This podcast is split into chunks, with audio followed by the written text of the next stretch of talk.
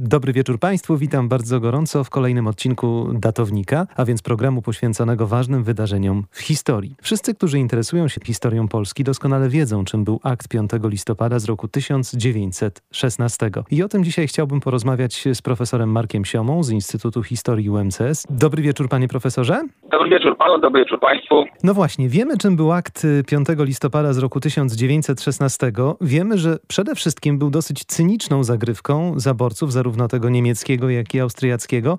Ale co jeszcze, panie profesorze, powinniśmy pamiętać odnośnie samego aktu, bo za chwilę też porozmawiamy o tym, jak, jak to wszystko przebiegało, jeśli chodzi o Lublin. E, no właśnie, pan redaktor postawił bardzo ciekawe pytanie, pod, e, które brzmiało wiemy. No, to jest pytanie, czy rzeczywiście wiemy. E, na pewno wiedzą e, historycy, którzy się tym problemem interesują. Nie był to przez lata temat wiodący badań. To się zmieniło w 2016 roku po konferencji na UMK e, w Toruniu, kiedy wyszła z tego dość obszerna publikacja. I mam takie wrażenie, a nawet chyba przekonanie, że tak naprawdę nie wiemy na ten temat nic. Znaczy, gdyby zapytać przeciętnego Polaka, co na temat aktu 5 listopada wie, to podejrzewam, że powiedziałby, że wobec nigdy o tym nie słyszał. Dlaczego? Bo tego tak naprawdę nigdy w programach szkolnych nie było, albo było to na zasadzie, był ten fakt i nic z tego Polska y, nie miała. Y, tak można by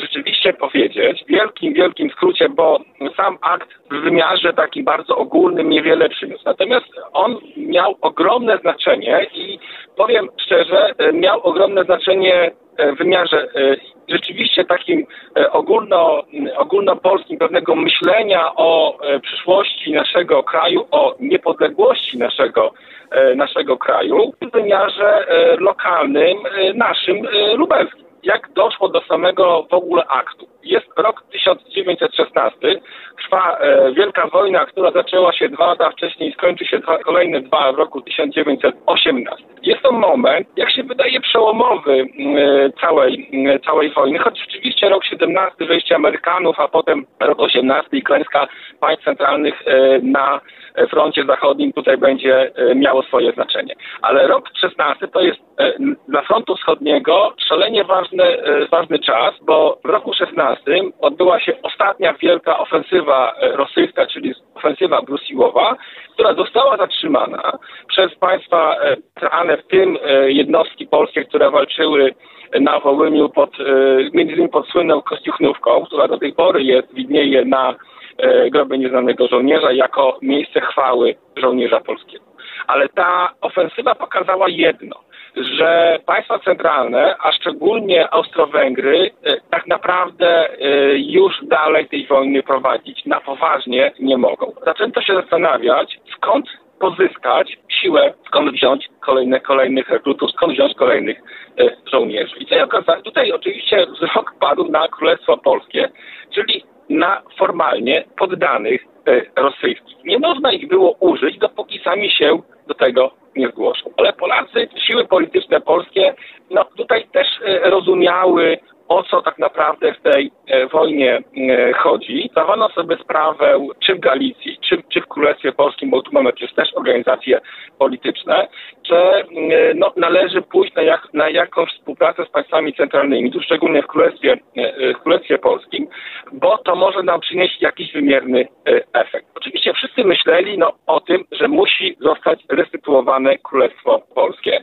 11 sierpnia 1916 roku e, w Wiedniu Austro-Węgry i Cesarstwo Niemieckie podpisało układ. Dwóch premierów, e, hrabia, hrabia Burian i Theobald Bettmann-Holweg podpisali taki układ, w którym zadecydowano o tym, że Królestwo Polskie powstanie. To był ten moment, ale my oczywiście mówimy akcji 5 e, listopada, o czymś, co zdarzyło się oficjalnie kilka miesięcy później. Tak naprawdę 11 sierpnia, on pod koniec sierpnia mógł stać się rzeczywistością, wtedy kiedy nastąpiły zmiany w sztabie e, naczelnym armii niemieckiej, kiedy głównodowodzącym został Paul von Hindenburg, a kwatermistrzem e, Erich Ludendorff. Oni są zwolennikami, tak samo jak zwolennikami, zwolennikiem państwa jest E, Hans von Besseler, czyli generał gubernator e, niemiecki na terenie okupacji niemieckiej e, Warszawie. A więc mamy takie sprzężenie, że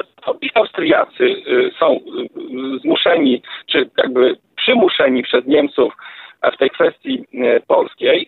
Sami Niemcy chcą, oczywiście oni to nie robią z powodu z pobudek ideowych, tak, dla restauracji, naprawienia krzywd porozbiorowych. Nigdy w życiu. Oni to robią cynicznie, nawet do tego stopnia, że cztery dni już po akcie 5 listopada czy 9 listopada tenże premier, ten kanclerz niemiecki, Theobald Waldmann-Holweg, powie, że on sobie nie wyobraża w ogóle, żeby Królestwo Polskie nie podlegało, podlegało Niemcom. Jeśli chodzi, panie profesorze, o kręgi polskich ugrupowań politycznych, jak oni postrzegali wtedy walkę o niepodległość? Bo wydaje się, że przynajmniej do roku 1916 wszyscy myśleli jedynie o oparciu się o któregoś z zaborców, żeby przynajmniej powalczyć o autonomię. Tymczasem czy ten akt 5 listopada nie narobił nam jeszcze większej chęci, mimo że był cyniczny, na pełną niepodległość? Ależ oczywiście, tutaj pan redaktor ma rację w tym rozumieniu, że nie ma alternatywy. Polacy nie mają alternatywy, bo nie ma czegoś takiego, jak sami możemy sobie to państwo zbudować. To są realia geopolityczne. My w tej geopolityce jesteśmy.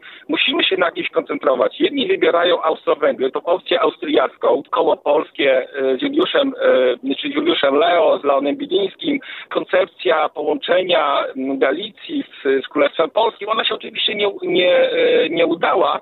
Natomiast myślano właśnie o takiej, takim rodzaju formy przejściowej, czyli łączymy dwa elementy, dwa stare elementy, te pierwotne, czyli tutaj Galicję i Królestwo, e, i Królestwo Polskie, z myślą taką, że kiedyś z tego tej autonomii, bo Galicja ma autonomię, wyewoluuje niepodległe państwo polskie. I po, podobnie myśli narodowa demokracja, chociaż jak popatrzymy na ten właśnie rok 1916, popatrzymy na Jana Steckiego, lokalny nasz polityk lubelski, człowiek, który stoi na czele klubu polskiego, czy Aleksander Kakowski, czy Wisław Lubomirski, tak, czyli dwóch, dwóch późniejszych regentów, oni bardzo szybko zmienią orientację właśnie z tej prorosyjskiej na proaustriacką. W roku 1916 wszyscy doskonale sobie zdają sprawę, że Rosjanie już tutaj nie wrócą. A więc wyszła nowa władza, która jest u nas na Lubelszczyźnie od roku, ponad roku już i nie ma mowy o tym, żeby coś tutaj się mogło zmienić. A więc Polacy płyną, można powiedzieć, z prądem, ale jest to absolutnie logiczne dla mnie, że tak się zachowują, bo muszą uczestniczyć w grze, nie oni rozdają w tej grze w tej grze karty. Jest tutaj cały oczywiście ruch walki o niepodległość z bronią w ręku. To są wszystko elementy, które składają się na naszą późniejszą niepodległość symbolicznie 11 listopada 1918 roku. A co wydarzyło się, panie profesorze, 5 listopada w Lublinie? Czy co wydarzyło się związanego z aktem 5 listopada w Lublinie? Bo wydaje się, że to był niezwykle precyzyjnie zaplanowany i przygotowany spektakl dla, no nie gawiedzi, dla ludności po prostu Lublina.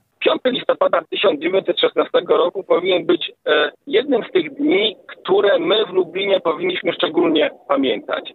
Dlaczego? Otóż e, Pan redaktor, redaktor słusznie wspomniał, że jest to e, precyzyjnie zaplanowany i wyreżyserowany spektakl mający na celu pokazanie czy proklamacji państwa polskiego. Tak rzeczywiście było. Wszystko zostało zaplanowane, przygotowane, napisano nawet do tego scenariusz, rozpisano to na godziny, na rolę. Każdy wiedział, co ma robić i kiedy ma się to wydarzyć. Ale, ale to wszystko służyło pokazaniu y, jednej rzeczy, że i Austro-Węgry, i Niemcy, bo w Warszawie mamy dokładnie taką samą sytuację z tą proklamacją, bardzo poważnie traktują sprawę polską. Y, do tego stopnia poważnie, że decydują się na takie, a nie inne rozwiązanie. Otóż powinniśmy naszym słuchaczom przybliżyć tą sytuację. Sama uroczystość została zaplanowana pierwotnie na 4 listopada, potem ją przeniesiono na 5 listopada z uwagi chyba na to, że była to, była to po prostu niedziela. To jest, to jest pierwsza kwestia. Druga kwestia, cała ceremonia odbyła się w gmachu generał gubernatorstwa wojskowego w Lublinie, czyli y, w byłym budynku Wydziału Politologii UMCS, Plac Litewski 3. To pokazuje, y, z czym mamy y, do, do czynienia. W uroczystości bierze sam generalny gubernator, czyli Karl Cook, człowiek, który jest odpowiedzialny za całe generał gubernatorstwo wojskowe w Lublinie. O godzinie 11 rozpoczyna się cała uroczystość. teoretycznie można powiedzieć tak, nikt o niej nic nie wie, bo mamy coś w rodzaju tajnego przygotowania, ale w rzeczywistości bardzo szybko, przynajmniej ta, nazwijmy ją elita y, Lublina, ale nie tylko elita, bo tam też biorą udział przedstawiciele y, chłopów, zostaje poinformowana, że ma to się dzieje w sobotę późnym wieczorem, że ma się następnego dnia o godzinie 11 pojawić na krakowskim przedmieściu. I teraz mamy sytuację taką, że ludzie przychodzą i oczywiście są już cały czas jakieś tam przecieki, że rzeczywiście będzie ogłoszona niepodległość państwa polskiego, ale jak to, jak to zawsze bywa, tą wiarą jest y, różnie i dopiero jak zobaczymy, no to uwierzymy. Rzeczywiście można powiedzieć, że jest to kilka set, może kilka tysięcy ludzi. Tego nie umiemy powiedzieć, nie ma nas żadnych przesłanek, żeby wskazać liczbę. Niewątpliwie zdjęcia, które, które udało mi się znaleźć i które są na stronie Teatru NN, pokazują, że mamy do czynienia rzeczywiście z potężną manifestacją ludzi, a w tym czasie, w tym budynku odbywa się proklamacja, odbywa się odczytanie aktu, który mm, dwóch, dwóch, dwóch cesarzy, czyli aktu 5 listopada, proklamacji e, e, niepodległego, oczywiście to, to, to należy dać w wielkim cudzysłowie, e, Królestwa Polskiego. Akt po niemiecku odczytuje Karol Kuk, w języku polskim odczytuje Jerzy Madej. Po czym następuje, to się oczywiście wszystko odbywa w uroczystej asyście wojska i to wojska polskiego. Więcej, w momencie, kiedy akt zostaje ogłoszony, z balkonu tegoż budynku e, zostaje wywieszony biało-czerwony sztandar. No, nie ma lepszej symboliki pokazującej, że państwo polskie odradza się, jak biało-czerwony sztandar i orzeł biały na czerwonym tle. To się, to się wszystko dzieje. Formuje się kolumna i ta kolumna idzie do, do, do katedry lubelskiej. Nie, nie muszę tłumaczyć oczywiście mieszkańcom Lublina, to jest tak, powiedzmy kilkaset metrów do, do przejścia krakowskim przedmieściem, później ulicą Królewską, e, ale w tym czasie, jak te kilka tysięcy ludzi, bo tak chyba trzeba to ocenić, idzie w kierunku katedry, w tym czasie nadlatuje samolot, może dwa, e, i z tego samolotu są rzucone biało-czerwone chorągiewki. No, jeszcze e, domy na krakowskim przedmieściu są udekorowane biało-czerwonymi flagami. To wszystko pokazuje, że rzeczywiście Polska się odradza, że następuje odrodzenie państwa polskiego. Po dojściu do katedry, tu oczywiście władze dojechały, czy to samochodem, czy bryczką, bo mamy też zdjęcie jednego i drugiego pojazdu. Następuje uroczyste tedeum, msza, e, podziękowania i można powiedzieć, no i co? I co się takiego dzieje? I dlaczego dzisiaj nie obchodzimy 5 listopada jako święta niepodległości naszego państwa? Otóż to od czego pan redaktor zaczął. Cynizm. Cynizm władz niemieckich i austriackich, on bardzo szybko e, wychodzi. Mianowicie bardzo szybko okazuje się, właśnie to, co wspominałem o 9 listopada 1916 roku i późniejszych wydarzeniach, że tak naprawdę chodzi o jedno. Chodzi o to, żeby pozyskać rekruta, żeby Polacy wstępowali do PKP czy do późniejszego Polnische Wehrmacht i żeby tak naprawdę Królestwo Polskie pracowało samo z siebie na potrzeby e, jednego i drugiego e, cesarstwa, czyli na potrzeby wojny, które toczy jedno i drugie cesarstwo. Polacy, panie profesorze, niewątpliwie nie dali się nabrać, bo ta refleksja i w Lublinie, i pewnie w innych miastach, tak jak w Warszawie, przyszła bardzo szybko, no bo przecież pamiętaliśmy, co zaborcy robili z nami przez te dziesiątki lat wcześniej, prawda? Znowu mamy tutaj pewną, e, pewną e, dychotomię, bo e, w, w Lublinie jest wielki entuzjazm. To naprawdę jest wielka uroczystość, wielki entuzjazm. Ludzie są zafascynowani, mówią tak, będzie Polska, to już się, już się dzieje. No Zresztą... bo czekali tak, przez tyle pokoleń widzą biało-czerwone flagi, więc nie do końca sobie zdają sprawę, kto za tym stoi, prawda? Tak, ale w Warszawie nie dzieje się tak naprawdę nic. Akt został przyjęty bardzo chłodno przez społeczeństwo warszawskie i pod okupacją niemiecką. To oczywiście wynika z różnicy naszego podejścia do Niemców i do, do Austriaków, prawda? Jednak Austriacy mm -hmm. to też Węgrzy, yy, to też inne narody, prawda, monarchii yy, wielo, yy, wielonarodowościowe, jakim, było, jakim były Austro-Węgry, więc troszeczkę inne po, po, podejście. No i też jednak mimo wszystko lżejsza okupacja austriacka. Natomiast jest jeden fakt, o którym trzeba absolutnie powiedzieć i on jest konsekwencją administracja polska, sądownictwo polskie, ale jest coś, coś, coś, coś co naprawdę przekonuje, zaczyna przekonywać Polaków do tego, że ta Polska będzie. Mianowicie okupanci godzą się, byli zaborcy, godzą się na polskie szkoły. To jest eksplozja polskich szkół. one powstają w zasadzie w każdym dużym mieście. Do władz natychmiast, bo to jeszcze w listopadzie, zaczynają płynąć petycje o to, o to żeby im pozwolono otworzyć szkołę.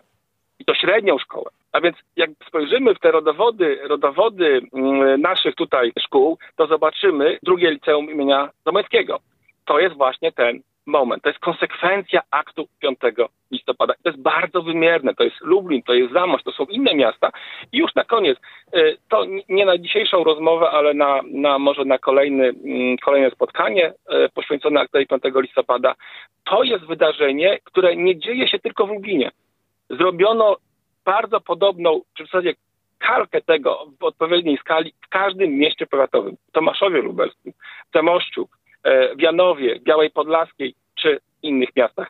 E, było to na masową skalę i przekazem do społeczeństwa patrzcie, my okupanci, my Niemcy, my Austriacy dajemy wam niepodległe państwo polskie. Do tej niepodległości były jeszcze całe dwa lata.